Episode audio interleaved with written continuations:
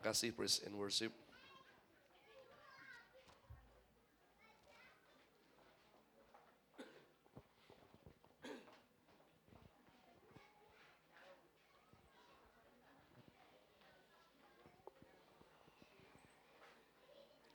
Oh ada Pak David sama Ibu Silvi.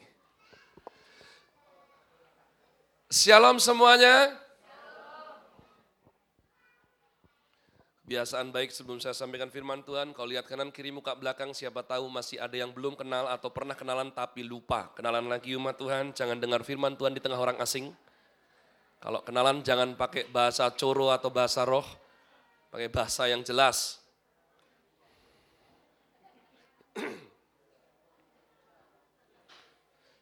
Mumpung jemaat masih segini harus saling kenal, jangan sampai nanti ke depannya cerita sama orang luar, kemarin aku duduk di dekat si Anu, si Anu itu ya gerejanya sama dengan aku, itu tabu saudaraku Anu-Anu itu ya.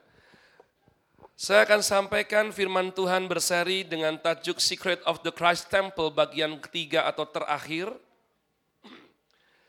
Saya sudah sampaikan umat Tuhan ya lima item bagaimana kita itu sadar dan tahu bahwa hidup ini, tubuh ini adalah bait sucinya Allah. Sehingga kita kemarin sudah diajar, bait suci yang di Jerusalem itu tidak perlu engkau tunggu-tunggu bagaimana nanti membangunnya. Atau nanti mau diapakan Al-Aqsanya itu. Karena Wahyu 21, 22 sudah bilang, tidak ada bait suci lagi. Yang ada adalah kamu dan aku ini bait sucinya. Jadi saya sudah jelaskan nanti kita selesai ibadah, Tuhan Yesus ada di mana? Ditinggal di sini? Tidak. Dia ikut pulang pakai tubuhmu. Dia ada di hatimu. Itu kenapa Injil mengajarkan bahwa Roh Kudus itu bisa bersedih hati. Dia bisa berduka karena dia ada di sini. Kalau kita bikin benar, dia bersuka cita. Kalau kita bikin keliru, keliru, keliru terus, bahasanya mendukakan roh kudus. Mengerti belum mengerti katakan amin. Baca dengan cepat karena khotbah yang kali ini firmannya saya borong di depan umat Tuhan. 1 Korintus 6 ayat 19. Baca bersama 1, 2, 3.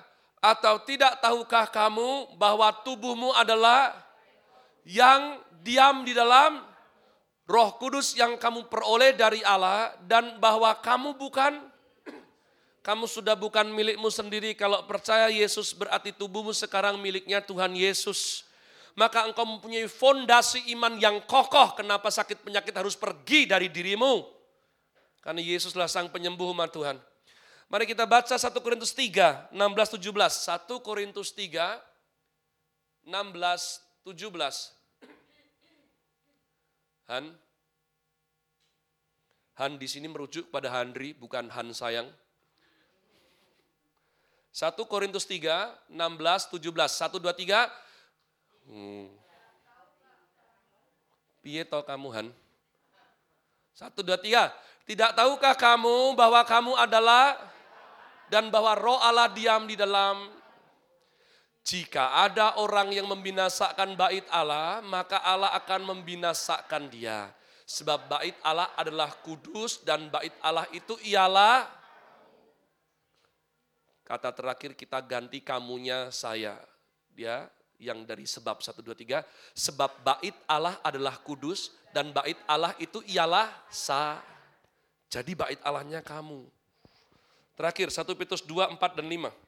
1 Petrus Fatsal 2 ayat 4 dan 5.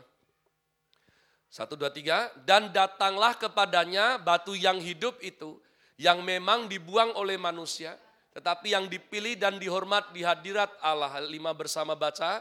Dan biarlah kamu juga dipergunakan sebagai untuk pembangunan suatu rumah rohani. Bagi suatu imamat kudus yang mempersembahkan persembahan rohani yang karena Yesus Kristus berkenan Kau kira-kira mengerti umat Tuhan. Ayat demi ayat seperti ini adalah genuine ada di dalam kitab suci Kristen. Ya, Bait Allahnya itu kita, saya. Bait Allah adalah saya. Satu, dua, tiga katakan.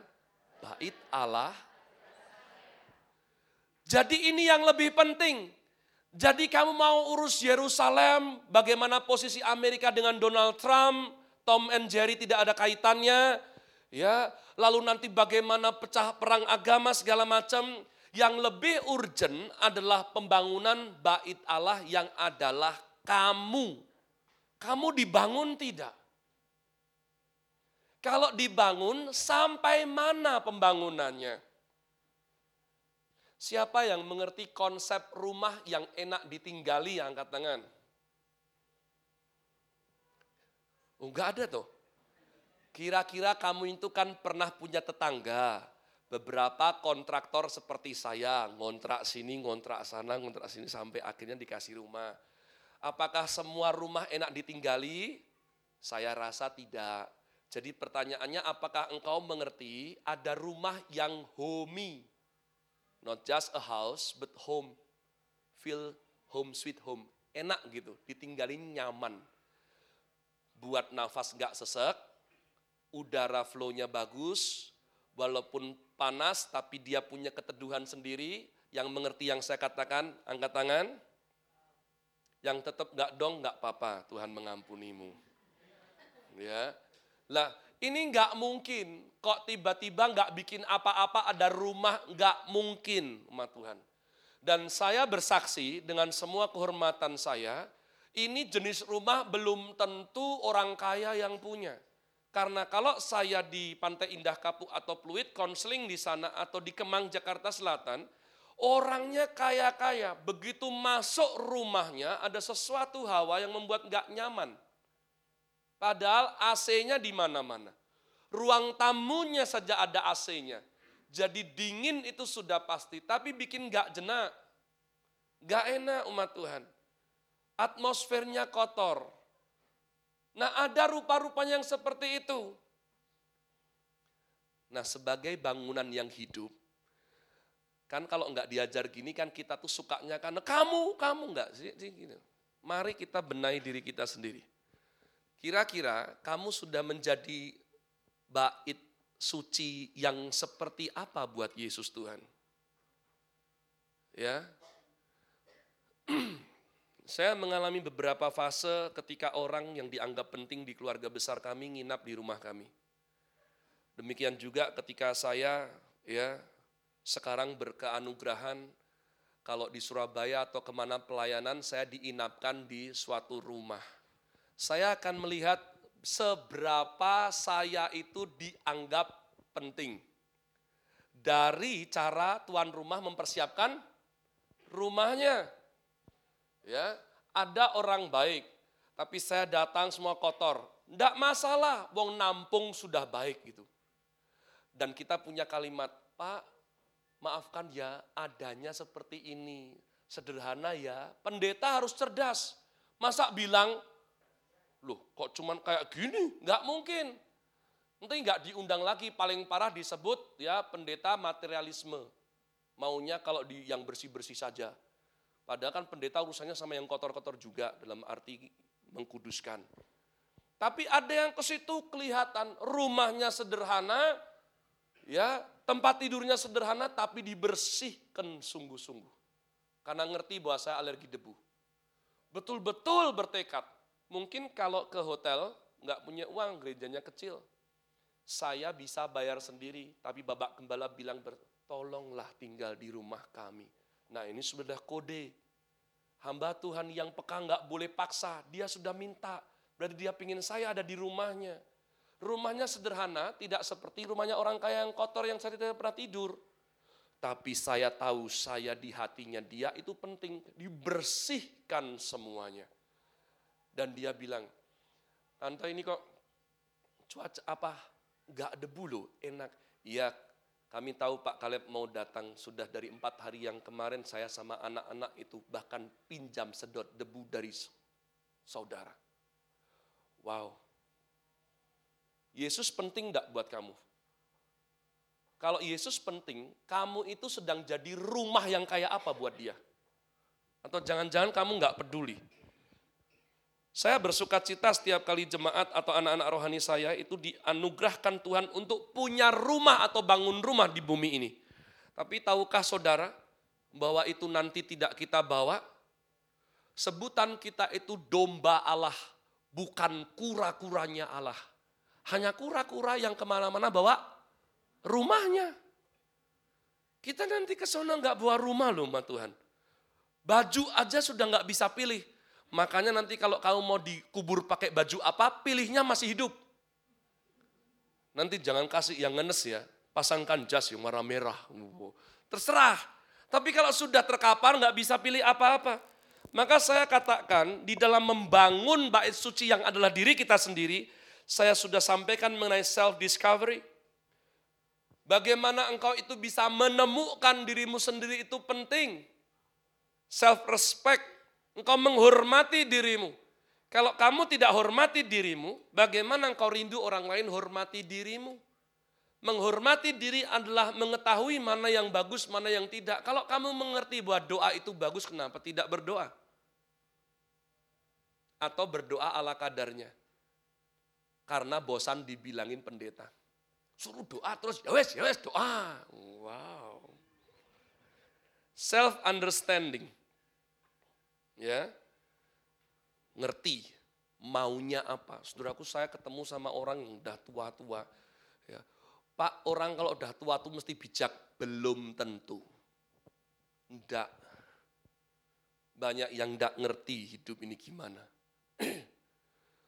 saya ketemu 61 tahun yang tanya sama saya, nah kalau 20, 30, 40, masih 61 tahun Pak Pendeta, berikan saya hikmat bagaimana saya bisa nikah lagi.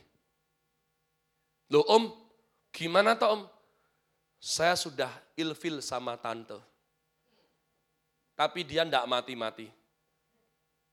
Firman Tuhan bilang, kalau cerai hidup, tidak boleh nikah lagi. Gimana Pak Pendeta? Bukan bagian ayatnya di mana, tapi 61 tahun masih punya impian seperti ini loh. Lalu saya tanya, Nanti om yakin kalau nikah lagi pasti lebih baik dari tante. Kalau belum dicoba ya belum tahu. Edan pora. Jadi ngerti maumu apa itu berharga loh ma Tuhan. Ya. Jadi kadang-kadang kalau anak-anak kita, saya belajar seperti itu, menghormati maunya anak. Misalnya nih, sudah dibelikan bakso. Hari itu Obaja atau Queen bilang, mau makan pakai kuahnya saja. Nah, baksonya tuh enak. Kekuatan konsep kuliner bakso itu bukan pada kuahnya, dodol. Saya tahu, tapi pengen kuahnya saja. Orang Chinese punya bohwat. Ya, oh ya sudah. Langgar firman? Tidak. Oh tahu mau. Ya udah kali ini mau. Pakai kuahnya saja nggak apa-apa. Saudaraku, kamu tahu nggak maumu apa? Kamu ikut Tuhan tuh tahu nggak maumu apa? Kamu kalau angkat tangan gini nih maumu apa sih? Terus nyanyi, oh pantes Pak karena saya nggak tahu mau saya apa makanya saya nggak nyanyi. Lo gila nggak tuh? Ya, ada orang ikut Tuhannya udah belasan tahun nggak ngerti lo maunya apa. Ya cuman saya taunya kalau nggak ke gereja uang saku nggak turun itu aja. Cuman saya tahunya kalau nggak ke gereja, cewek saya nggak mau saya nikahi. Keluarganya kolot. Sudah aku tahu, kamu maunya apa, tahu nggak? Kalau enggak nanti orang lain akan menipu kamu loh. Dan kamu tiba-tiba kehilangan hal yang berharga. Self confidence, dari situ kamu punya percaya diri. Lalu kamu bisa self responsibility. Saya sudah sampaikan kemarin kedewasaan itu ditandai dua perkara saja. Yang pertama tidak egois, yang kedua bisa bertanggung jawab. Itu orang dewasa. Tanyakan sama dirimu sendiri. Kalau kamu nggak menang dua hal ini, maaf. Berapapun umurmu, kamu what we call it with sekia, childish. Kemarin saya sampai foto, tapi saya belum bikin hashtag di Facebook atau media sosial saya. Saya kagum dengan Obaja anak angkat saya. Dari situ saya belajar kenapa orang-orang tuh bilang masih anak ingusan aja, gak usah aneh-aneh. Ya pernah dengar gitu nggak? Oh, dasar anak ingusan. Kenapa? Anak saya ini Obaja ini bisa bermain dan makan dan minum asik sekali dengan ingus yang sudah sampai di sini. Gak punya awareness. Gila nggak sih? Saya sampai, kamu bisa hidup kayak gitu. Apa B? Kayak jaring Spiderman tapi di mulut. Eh, jangan. Gimana? Asin. Loh. How many times I've told you? Cipo, serot. Dan nanti saya meleng sedikit nih, lagi sudah saya. Produksi aktif. Untung tidak berwarna kemarin. Anak ingusan. Kenapa? belum bisa tanggung jawab. Gak punya awareness apa yang baik buat dirinya sendiri itu belum paham. Bahasa Ibraninya ora ketuk. Orang kalau nggak nyampe, dinasehati ke percuma. Seperti babi dikasih mutiara. Jelas? Orang hebat babinya dipanggang, mutiara kasih istrinya. Kan gitu loh. Kamu kayak anak kecil enggak? Kamu bisa hidup enggak dengan ingus di sinimu? Mungkin kamu bilang enggak bisa. Tapi mungkin kamu bisa hidup dengan kekotoran-kekotoran lain. Kenapa tidak kau bereskan? Nah saya akan sampaikan dua poin terakhir. Nomor enam adalah self self development. Orang yang faham dirinya bait suci, ya, itu akan selalu mengembangkan dirinya untuk makin layak dan berkenan di hadapan Tuhan. Ini berlaku buat semua jenis hubungan. Manusia dibekali Tuhan kemampuan mengembangkan diri. Yang sayangnya terkait erat dengan kemauan diri. Maka pihak militer itu membuat suatu skematis teknik, ya Anda bisa lihat di Jason Bourne atau nggak ada gunanya ini mama saya juga nggak ngerti. Bagaimana bisa mengembangkan diri dengan pressure, tekanan. Ya, tapi itu kan dengan paksaan. Yang sehat kan dari kesadaran sendiri. Kenapa? Karena Tuhan itu sudah kasih potensi. Satu-satunya makhluk yang dicipta sesuai rupa dan gambar Allah, imago Dei, itu manusia. Dan itu merupakan berkat yang agung sekali.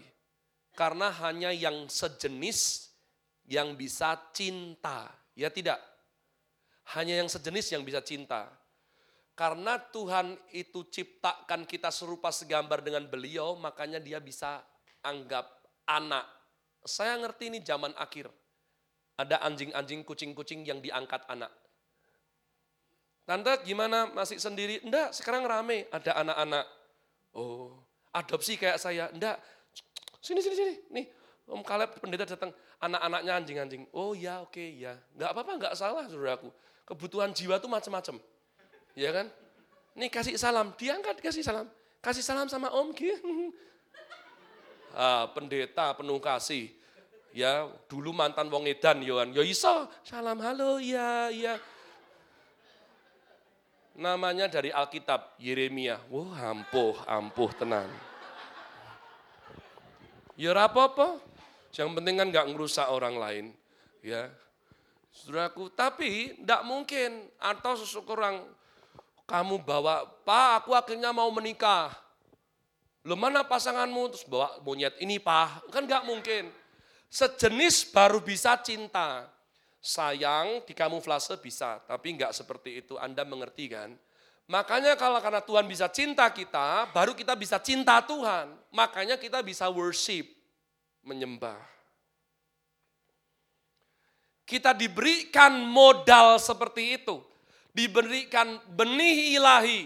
Sehingga kita itu punya bakat untuk bisa seperti Allah. Dia kasih, kita bisa amalkan kasih.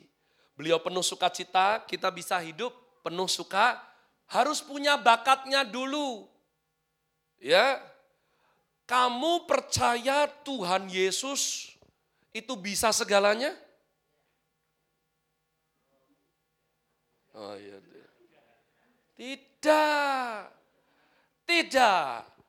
Ya, Tuhan Yesus tidak bisa segalanya umat Tuhan.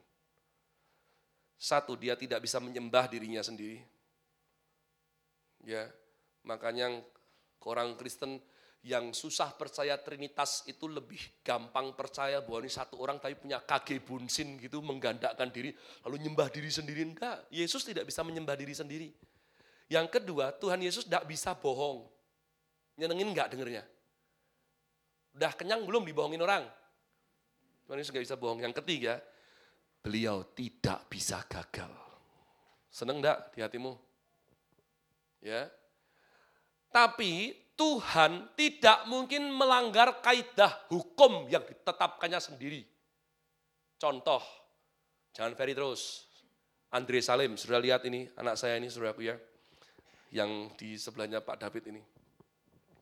Tiada yang mustahil, Lukas 1:37.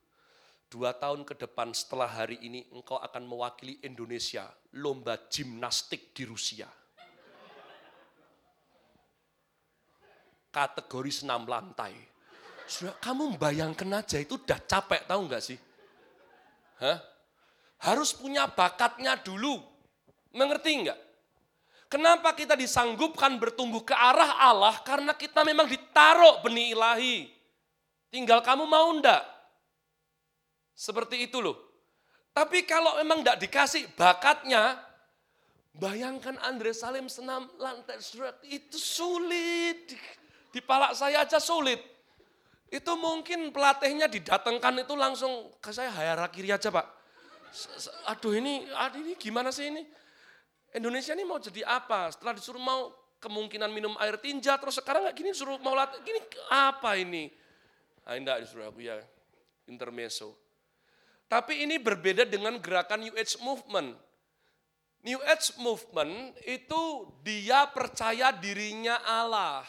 Apa bedanya? Yang betul adalah bertumbuh menjadi seperti Allah, seperti bukan playing God. Sudah suatu kali di LA, ya Los Angeles, itu LAPD, Los Angeles Police Department, dalam satu apartemen 30 lantai itu ditemukan suatu fenomena yang diceritakan oleh Mr. Ravi Zakarias, saudaraku, salah satu pengajar yang saya favorit Yakni karena di lantai delapan, di hari yang sama, di rentang waktu yang mirip, di lantai delapan itu ada bunuh diri. Dan menurut surat yang ditinggalkannya, dia merasa nggak layak lagi untuk hidup, bahkan dia ragu Tuhan itu mencintai dia atau tidak. Tapi di lantai 21 ada pertemuan New Age Movement dengan yel-yel khasnya. I am God, I am God. We don't need other God because I am God. Kontras sekali. Yang satunya nggak pede, inferior, merasa Tuhan nggak sayang. Yang satunya superior, sampai kerasa tidak butuh Tuhan. Saudaraku, iblis dulu namanya Lucifer, the glamorous one, yang berkilau-kilauan menjadi Satan, the cursed one. Dulunya superior, lalu inferior. Maka dua teknik ini yang dipakai iblis untuk menipu manusia yang bodoh-bodoh.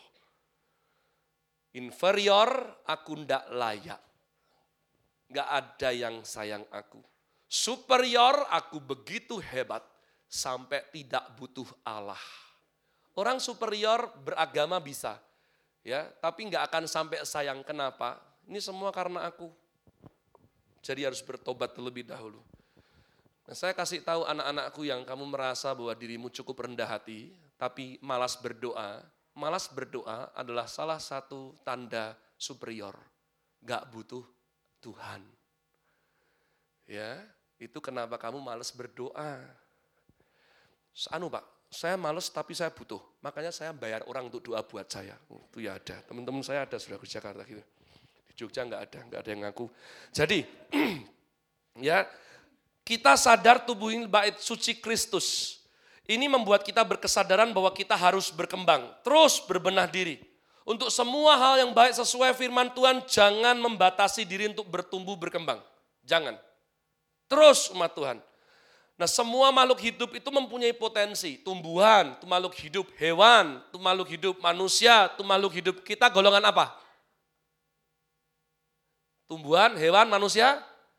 Manusia. Pastikan kanan kirimu manusia? Oh, manusia. Kenapa?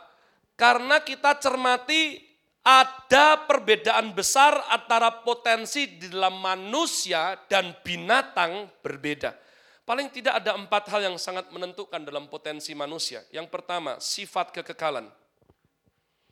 Pengkhotbah 3:11 umat Tuhan. Ya. Manusia itu bisa dikasih wawasan. Bahkan kalau belum percaya Yesus Kristus Tuhan, maka wahyu umum yang biasa diyakini adalah karma. Yaitu apa? Meyakini bahwa apa yang kita lakukan sekarang ini itu mempunyai dampak untuk ke depan nanti. Ya tidak. Ya. Karena walaupun agamanya beda, nggak pernah saya dengar ajaran yang waras loh nih ya, bukan yang kultus atau sekte sesat loh ya. Yakni surga itu tempatnya orang baik atau jahat? Baik. Semua ajaran saya sudah periksa Hindu, Buddha, surga itu tempatnya orang baik. Kalau neraka tempatnya orang perkara ke belakang ada suatu teknik modern dengan teknologi yang aneh, percaya bahwa perbuatan jahat bertujuan baik ngebom orang bisa masuk surga, nah itu saya nggak nyampe benak saya. Tapi yang lazim adalah semua setuju, surga tempat orang baik, neraka tempat orang tidak baik. Makanya dalam semua culture budaya, terutama Tiongkok umat Tuhan, itu di dalam etika moralnya selalu dikedepankan apa? Hormatilah orang tuamu. Ya tidak? Saya tanya, apa kaitannya hormat orang tua sama berkat? Dan saking pentingnya ini Tuhan Yesus masukkan dalam 10 perintah Allah. Kalau dipikir, kamu ganteng, cerdas, sekolah pintar, bakat hebat, boleh enggak kurang ajar sama orang tua? Kan ini kerjaan profesional, ini orang tua. Apa kaitannya? Terbukti moyang kita selalu bilang, besok kamu ya ada saatnya tua loh. Hormati orang tuamu. Mungkin kalau mereka sulit dihormati, tetap hati, tetap hormat. Jangan kurang ajar. Selalu itu yang diajarkan. Ya tidak umat Tuhan. Karena diyakini bahwa tindakan menghormati orang tua itu mempunyai wawasan kekekalan. Lah kenapa kok bisa ada seperti itu? Karena Tuhan bilang, pengkhotbah 3.11, Tuhan yang berikan kekekalan di hati manusia.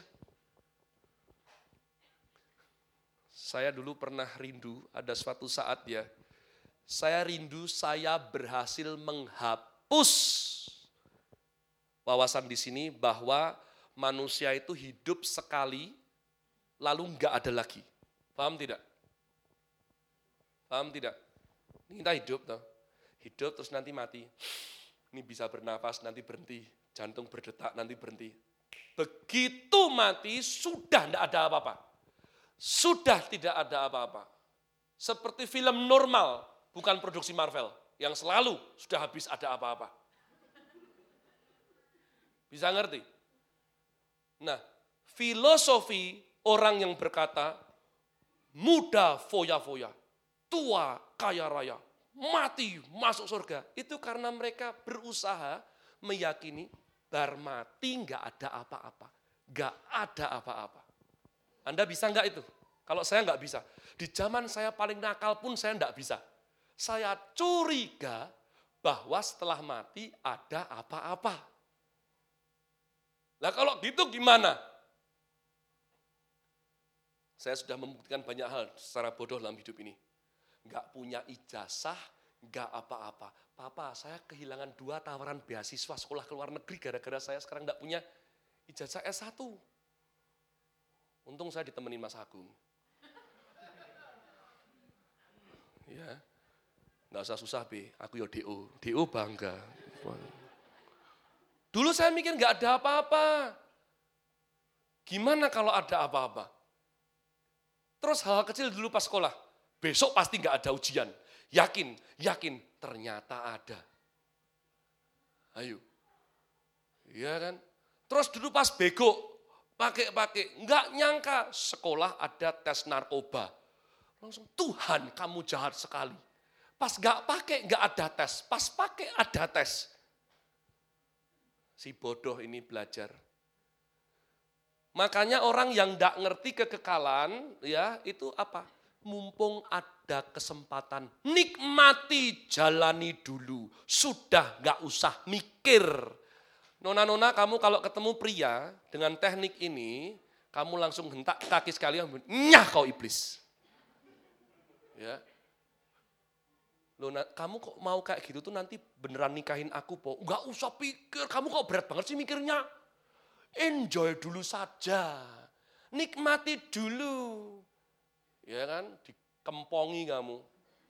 Kayak Iberlian Yora, ya ngerti-ngerti wis ini, ini. Nanti datang gereja nangis. Sudah dibilangi wong punya pendeta rock and roll kayak gitu. Ininya dipakai, ininya dipakai. Ini buat mikir, ini buat jalan maksud saya. Ya, bukan saya. Jadi, kita ini saudaraku harus mengerti hal yang seperti itu. Semua potensi kita itu bersifat ada kekekalannya. Yang kedua apa? Ada suatu sifat penerimaan yang hampir tidak terbatas. Di masa lalu, saya ngajar anak-anak saya dengan daya adaptasi tanpa batas. Ya, Ferry temenin babi. Pada waktu saya SMP, saya punya kisah nyata. Saya bersama teman-teman saya, SMP kelas 2. Keluar di KR kalau nggak salah. Saya kami makan dawet di Timoho. Ya. Dan saya ingat waktu itu ada sembilan turis Prancis makan dawet berserta kami. Dan keesokan harinya ditemukan sembilan turis Perancis keracunan dawet. Kami orang Indonesia kebal racun. Perutnya wantek. Sanak micin kebanyakan keracunan. Esnya dari apa? Keracunan. Mereka muntaber, kita heran. Kok bisa ya tuh? Kita kemarin habis di tempat yang sama ya. Adaptasinya beda Ya tidak. Adaptasinya beda. Maafkan saya, maafkan saya. Kompas bilang. Ya, maafkan saya. Kompas bilang, para pekerja tunsil, tunasusila, itu maksimal setengah tahun sudah bisa menerima pekerjaannya apa. Pertamanya malu-malu, pertamanya jangan saya, jangan saya setelah setengah tahun. Agama apa pun. Saya om, saya om sudah nerima kalau dirinya kerjanya kayak gitu. Kita punya daya adaptasi tanpa batas. Bok pakai buat apa? Ya. Saudaraku, saya ini benar-benar baru meronta jiwa saya. Mengadakan perlawanan untuk turun 10 kilo. Di tengah-tengah pengkhianatan anak-anak dan orang yang sayang sama saya yang juga pengen saya turun 10 kilo tapi dikasih makanan enak terus. Makan terus, makan terus, makan terus. Dietnya besok, hari ini bebaskan B. Hari ini ketemu Dempe ngomong gitu, besok ketemu Andrew ngomong gitu, besok ketemu Korobi ngomong gitu, besok ketemu Kohandi. Wah podo ae, Jok, kapan diete? Nah heran ini, ke mana-mana dengan megang bobot kayak gini nih, itu itu seperti ngejim dengan beban loh, ya enggak? Tapi kami adaptasi loh. Saya kerasa beberapa gerakan yang dulu saya bisa, sekarang enggak bisa. Saudaraku saya kagum dengan orang gelut jenis Andre Salim. Betisnya Andre Salim itu salah satu betis yang menurut saya itu kalau dalam ilmu gimnastik saudaraku jadi. Indah kempolnya dia. Saya kasih tahu, tak puji loh bojomu Silvi. Kempolnya Salim tuh bagus, jembungnya kenceng, lurus kecil. Cukup bagus. Kenapa? Tiap hari angkat berat tanpa sengaja, ngangkat awak edw. Oh rasa senden, rasa bayar fitnessan. Adaptasi. Tapi kalau dis, disengajakan disuruh memang git susah lah. Anda tuh milih apa? Pak saya kalau disuruh doa rekosoy. Nah dan pernah. Ya kan? Karena adaptasimu kamu pakai buat apa? Kalau gosip tuh kok bisa jam-jaman lah. Kue edan gue jenenge. Adaptasinya nggak gosip. Oh, makan gosok, makan sip. Nah. Iya kan?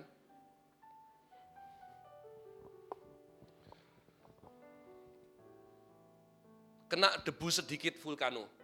Sudah ngeluh. Wah apa tuh gatel semua matanya. Saudara tahu tidak? Mantengin gadget terus main game itu lebih berbahaya loh buat mata. Kok nggak ngeluh? Debu itu saudaraku, ya Tuhan itu nggak izinkan setiap hari gitu debuan terus kan enggak kan? Wah, sesuai picak nih ngomong kecuali. Ngomong aja. Tapi naik game, kamu biasakan pantengi terus sampai dibilangnya aja marah. Ketemu keluarga masih main. Makan bersama di gereja, hebat, nyembah Tuhan. Kamu ngegame. Adaptasimu kamu pakai buat apa? Yang ketiga apa saudaraku? Sifat mengembangkan diri yang hampir tidak bisa diukur. Daya berkembang tanpa batas. Ya, siapa yang bilang bahwa kamu hanya fitness, uh, hanya bisa push up 10 kali? Kalau konsep Andre Salim ikut senam lantai olimpiade, itu memang butuh hal di luar mujizat. Mukijat. Enggak nyandak tapi kalau push up yang semua orang bisa, hanya butuh kesungguhan hati, bisa ditrain. Ya tidak, Pak aku push up tiga kali aja abot deh Pak, kan gitu. Apalagi jenis-jenis kami yang udah buncit ini. Ya, dipermudah karena perutnya udah nyampe ke lantai. Push up mentul-mentul tok lagi.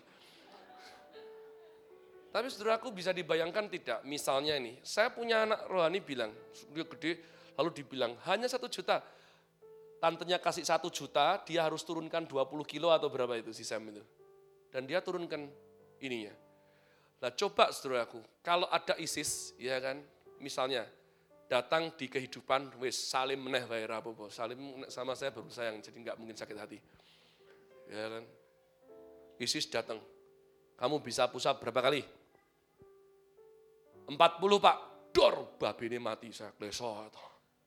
Kaget saudaraku pistolnya kasih ke kepala Silvi.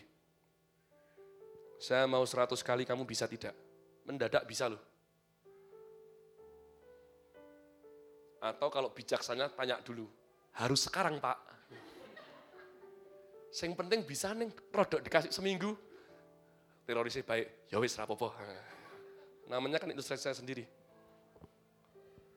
Nah kamu yang mau kembangkan apa? dalam hidup ini yang bawa kembangkan apa? aku saya ini orang goblok yang didaur ulang Tuhan Yesus. Dulu saya belajar teknik apa? Minum vodka tanpa putus, sak botol. Orang yang minum gini sulit aku. Saya kadang heran dengan diri saya sendiri ini. Ngapa tuh aku ini?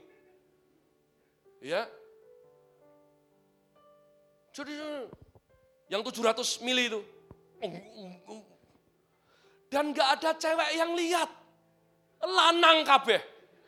Eh dan tak pikir lagi itu ngapa sih aku? Gitu loh. Keuntungan apa? Bocuan. Tapi saya latih. Gak bisa langsung, tanpa latihan gak bisa loh itu. Saya latih dulu, saya latih dulu. Saya heran kenapa saya ngelatih seperti itu. Nah apa dalam hidup ini yang kamu latih umat Tuhan? Saya punya teman, saya kenal dari dulu. Setiap kali di TK kecil, TK besar sampai SD, setiap kali ada suntik imunisasi, nangis. Lihat jarum, nangis. Dan saya ketemu setelah kuliah mainannya jarum, nyepet dewi, suntik dewi. Loh, kamu kan takut jarum. Orang yang iki enak. Wuh. Dia berkembang sampai seperti itu. Nah kamu kembangnya apa? Kamu sedang ngembangin apa? wetengku bro tak kembang, ah ra iso dianu. Potensi ini bok pakai buat ngembangin apa dalam hidupmu? Amin. Nah umat Tuhan, kalau kamu nggak ngerti hal-hal seperti ini, yang keempat adalah sifat kehidupan yang mempengaruhi oknum lain. Baik di zaman yang sama maupun zaman yang berbeda. Dan hampir nggak terbatas kemungkinannya. Saya masih belajar dari Martin Luther, saya masih belajar dari Nelson Mandela, saya dikasihi orang Kamerun dari Tangerang gara-gara saya khotbah bagus mengenai Nelson Mandela. Nelson Mandelanya sudah jauh-jauh hari sudah pulang ke rumah Bapak. Saya kadang masih ingat Mak Cinme, mamahnya Yohana Lim, nenek saya. Masih ingat beberapa poin yang mereka tekankan dalam hidup saya. Ya. Jadi orangnya udah nggak ada. Hidupmu itu nanti bisa jadi patron buat anak cucumu. Apa ingatan mereka tentang kamu? Papahku adalah seorang pecundang. Mau seperti itu? Saya ketemu anak-anak banyak, B, saya belajar nakal bosok ya dari papa saya. Pahit sekali. Saya tanya, coba diingat tiga hal yang baik dari papamu, enggak ada. Loh, diingat dulu, susah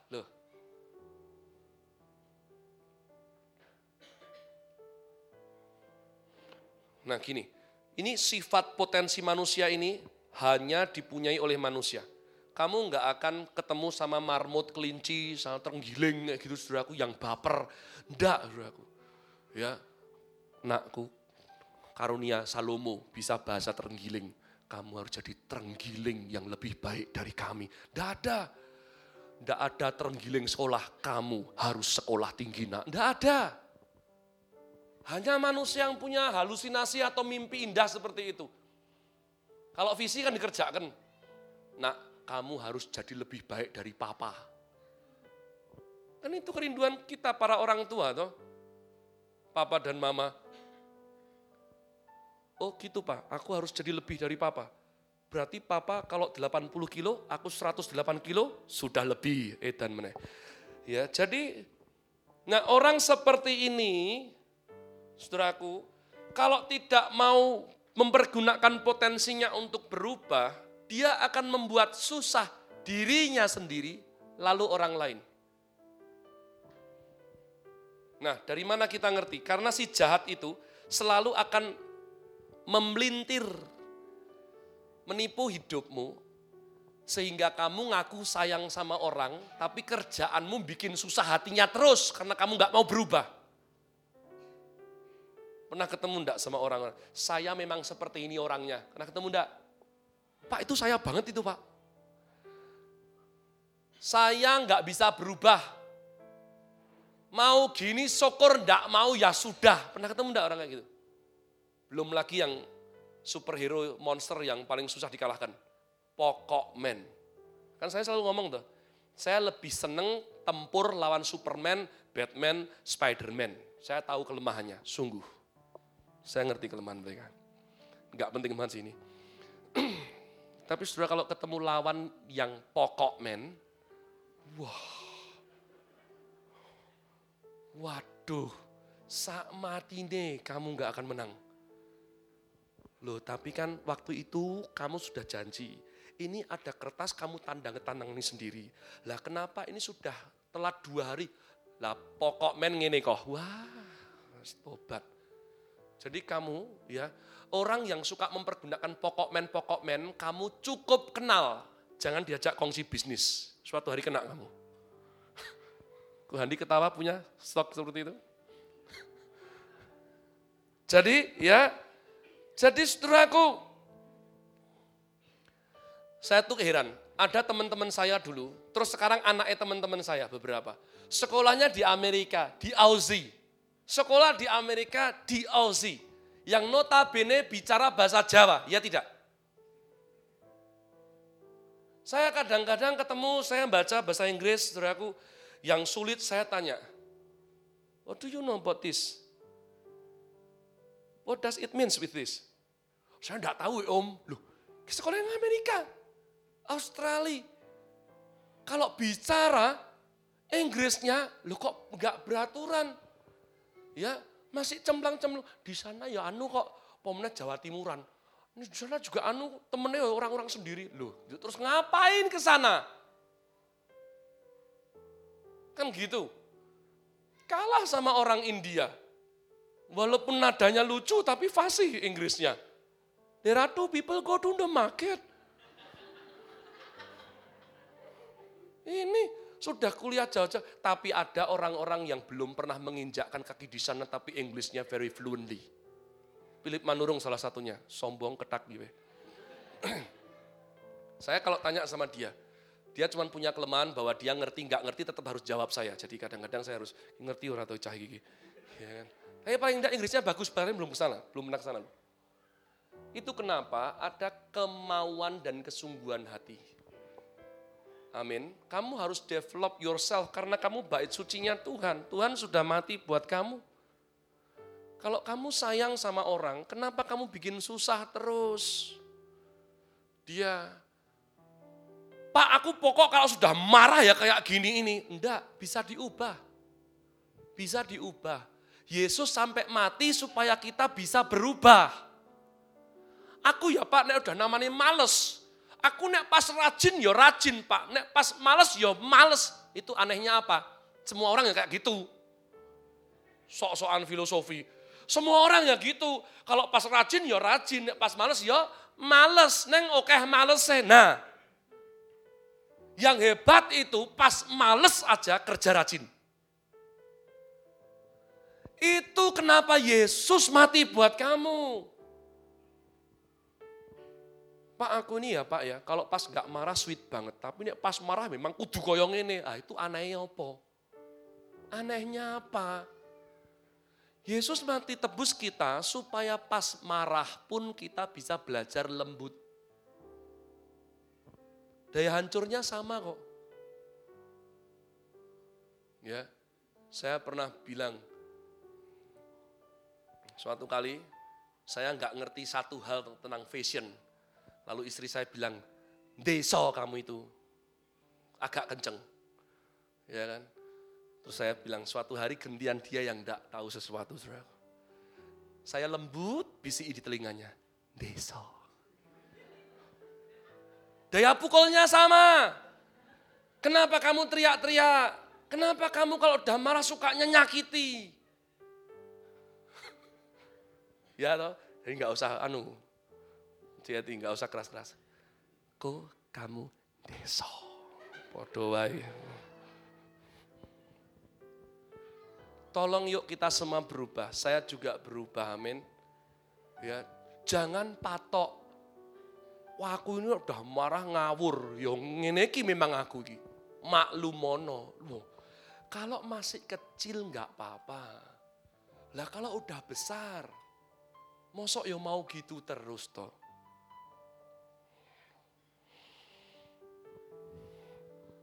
Saudara kalau baca kisah Rasul Fatsal yang kedua, khotbah Petrus pertama kali setelah penuh roh kudus, seperti bukan Petrus yang khotbah. Gila, dia mengajarkan saya khotbah firman Tuhan, ilustrasi firman, kutipan firman. Gila seperti bukan Petrus sama Tuhan. Dan 3000 orang hari itu bertobat terima Yesus dibaptis. Petrus loh. Orang yang temperamental seperti itu. Dipakai Tuhan seperti itu. Hidupnya berubah. Jadi kita harus berubah. Karena itu adalah suatu reputasi kita ikut Tuhan Yesus dengan benar. Kita harus berubah rela berubah. Yang terakhir, yang ketujuh, self-fulfillment atau penggenapan diri.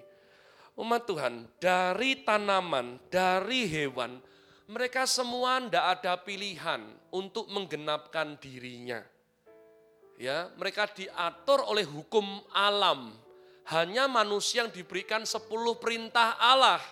Diberikan perintah Allah. Sehingga kita ini harus memahami betul bahwa hidup manusia itu bukan hanya asal hidup, namun dalam rangka menggenapi suatu tujuan.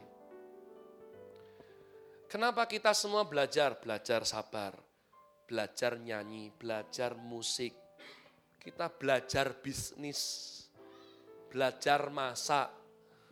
Ya kan, Kak Eva ini pinter masak. Kak Eva dulu belajar atau tiba-tiba menggigil, panas dingin empat hari lalu pinter masak Nggak bisa bikin brownies, ceguin sekali. Bisa bikin brownies, gitu. Ya kan? Nih pinter bulu tangkis, lahir ngemut kok. Enggak kan? Enggak. Dia belajar. Kamu jangan kartun kalau jadi Kristen. Khotbah bagus, belajar. Saya belajar setengah mati. Ada masa saya bosen, saya hopeless. Tuhan saya pikir kalau saya khotbahnya udah makin bagus, orang berubah. Oh enggak anakku. Itu tugasku kata Tuhan. Hanya Tuhan Allah yang bisa mengubah manusia. Manusia nggak bisa mengubah manusia. Kamu khotbah bagus itu supaya orang-orang dimudahkan mengenal kehendak Allah dalam hidupnya. Jadi kamu berkhotbah bagus itu untuk tanggung jawabmu atas talentamu sendiri. Bukan prinsip bisnis. Nek khotbah ya apa? Ya kan? Wah, keuntungan meningkat. Tidak boleh loh. Saya belajar, nah itu disiplin itu membuat saya mau di depan 8 orang atau 1400 atau 3000 saya akan kasih yang terbaik dari dalam diri saya. Karena saya sekarang menemukan setiap kali saya berhasil dipakai Tuhan untuk menyampaikan suatu pesan Tuhan yang kuat, bagus, dan indah dari segi estetikanya, jiwa saya puas. Amin. Jiwa saya puas. Kepuasan jiwa ini tidak terkait dengan berapa uang yang kamu miliki. Tapi seberapa kamu menggenapi panggilan hidup Tuhan dalam hidupmu. saya hari-hari ini maaf, bukannya apa-apa. Karena saya memang baru menikmati karya Tuhan dalam hidup Andre Salim. Dia bikin kopi sendiri, senyum-senyum sendiri kalau dulu senyum-senyum sendiri karena stres saja ini, sekarang sudah enggak. Nanti dia kasih ke brothernya, terus mesti dia tanya, piye bro? Nah, haus pujian. Enggak, enggak. Terus, piye bro? Dan mesti brothernya ngomong, nek iki enak tenan lim. Terus dia punya mantra selanjutnya, tenane. Nah ini penting jangan langsung puas dipuji sekali. Kamu harus pastikan bahwa orang itu muji bukan karena sungkan. Ya, itu seperti kita gitu. Langsing enggak gitu. Sudah enggak usah anu, gendut. Udah gendut yang ngomong gendut. Kalau ada yang bilang, wah kamu sekarang langsing, saya akan tanya, tenane, yo rading. Tenane, tenan lim. Nek iki kopi ini enak tenan lim. Ya, nah, baru dia. Dia akan saya lihat wajahnya, dia enggak ini. Dia enggak tahu kalau saya perhatikan. Kalau dia tahu saya perhatikan, mata kami beradu malah bahaya. Setiap kali dia gitu, dia tahu saya sedang memperhatikan. Wah itu serem. Ya enggak, enggak ada perlu nih. Cuma sebagai bapak, saya lihat dia. Dan saya lihat dia puas. Dia puas. Pria yang puas bisa berdoa. Ini nggak bisa ditutup dengan uang. Ada lubang di jiwa kita yang hanya bisa dipuaskan kalau engkau menggenapi kehendak Allah. Nggak bisa. Digerujuk dengan hal-hal duniawi, dicekoi dengan kuliner, itu hanya permukaan. Seperti besok ya, kalau orang tua itu foto sama anaknya wisuda itu loh. Saya lihat banyak kebahagiaan dan kebanggaan ketika Nah itu dulu saya bego, makanya papa mama saya enggak punya foto saya wisuda.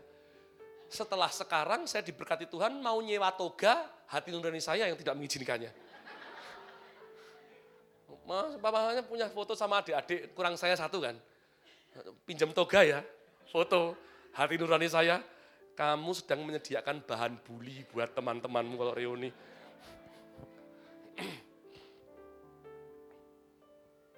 Kalau kamu tidak tahu kehendak Tuhan aja dalam hidupmu apa, bagaimana kamu bisa menggenapinya? Dan kamu akan hidup macam apa? Kamu akan terus memproduksi masalah. Kamu akan tuntut orang lain terus. Kamu akan salahkan orang lain terus. Itu mesti seperti itu prosesnya. Musisi maju ke depan semuanya.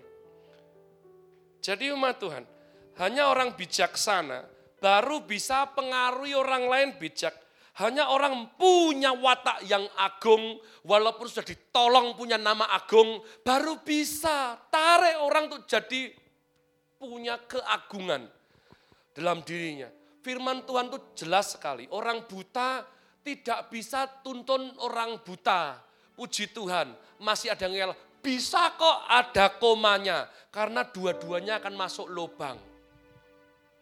Nah menariknya dari ayat itu ini saudaraku, Pak di Jakarta ada orang buta jualan kerupuk, menggalang orang buta yang lainnya jadi orang hidupnya berguna. Oh, berarti ini bukan orang buta matanya, yang buta hatinya. Beberapa hatinya buta, tidak bisa lihat kehendak Tuhan. Dan kamu kamu mempersulit dirimu dan kamu mempersulit orang-orang yang kamu sayangi. Self-discovery, self-respect, self-understanding, self-confidence, self-responsibility, self-development, self-fulfillment. Saudaraku, Tuhan itu analogikan bait suci ini kita batu hidup, kita bait sucinya Kristus. Inilah rahasia bait suci Kristus bukan di Yerusalem dan bagaimana menyingkirkan Al-Aqsa untuk membangun di atasnya, tapi bait suci itu adalah kamu dan saya. Ya. Dan saudaraku, imagine, dibayangkan, orang kalau mau bikin rumah, itu apa pertamanya? Dia menemukan tanah di mana dia akan bangun, kan seperti itu loh. Bahkan yang di metode tradisional pun, sekarang kita di sini punya Pak Handoko Urip sama Daniel. Maafkan kalau ada kontraktor lain yang saya lupa sebut namanya. Gambar dulu atau bangun dulu? Kira-kira mana? Gambar dulu. Jadi nggak ada orang bangun rumah gitu, apalagi kalau saudara berurusan dengan pengusaha seperti Dokter Handi gitu. Ya, Kok kontraktormu Daniel atau gimana? Katanya ngeflow. Bangunnya mana dulu nih? WC-nya mana, tempat makan? Katanya Daniel ngeflow baik oleh roh kudus. Ngefla, ngeflow, ngefla, ngeflow, jelas koplo, ngerti Harus ngerti gambarannya. Kamu mau jadi macam apa umat Tuhan? Kalau kamu ndak tahu kamu mau bertumbuh ke arah apa, kenapa harus belajar sabar? Kenapa harus penguasaan diri? Kenapa harus jaga mulut? Tutur kata, tingkah pola perilaku, etos kerja, cara belajar yang sekolah masian. Kamu mau nilai seperti apa? Kamu mau jadi murid seperti apa? Kalau nggak ada gambarannya, maka engkau belum tahu bahwa hanya kita yang diciptakan serupa, segambar dengan Allah. Yesus adalah manusia yang sempurna, yang komplit, yang koheren. Saudaraku, kita bisa bayangkan kalau kita bertumbuh serupa dengan Kristus, maka nggak ada perusahaan yang nolak untuk kita kerja ke sana. Kita jadi rebutan. Dan pasangan hidup antri. Karena kalau kamu baca empat Injil, kamu akan selalu temukan. Ke mana Yesus ada, kerumunan orang sedikit atau banyak? Banyak kawan, lawan, murid, musuh semua kumpul. Kenapa? Kualitas. Yesus berkualitas hidupnya. Melalui Yesus nama Bapak dipermuliakan. Melalui kita nama Bapak dipermuliakan. Sudahkah kita seperti Yesus, Christ likeness? Kalau marah seperti Yesus, ya Pak aku kayak Yesus, gawe pecut aku, bojo gak pecuti. Kuwi ora kaya Yesus. Yesus itu buat kan mencuti hewan-hewan yang dibaik suci malah bojone dipecuti kok Yesus.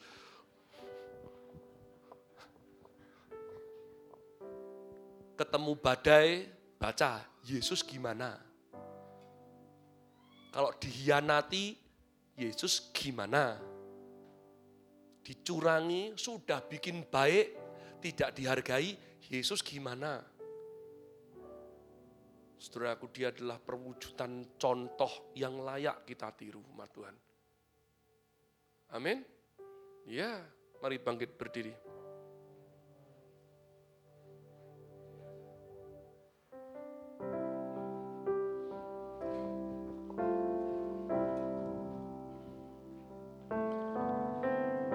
Saya rindu kita nyanyi lagu ini.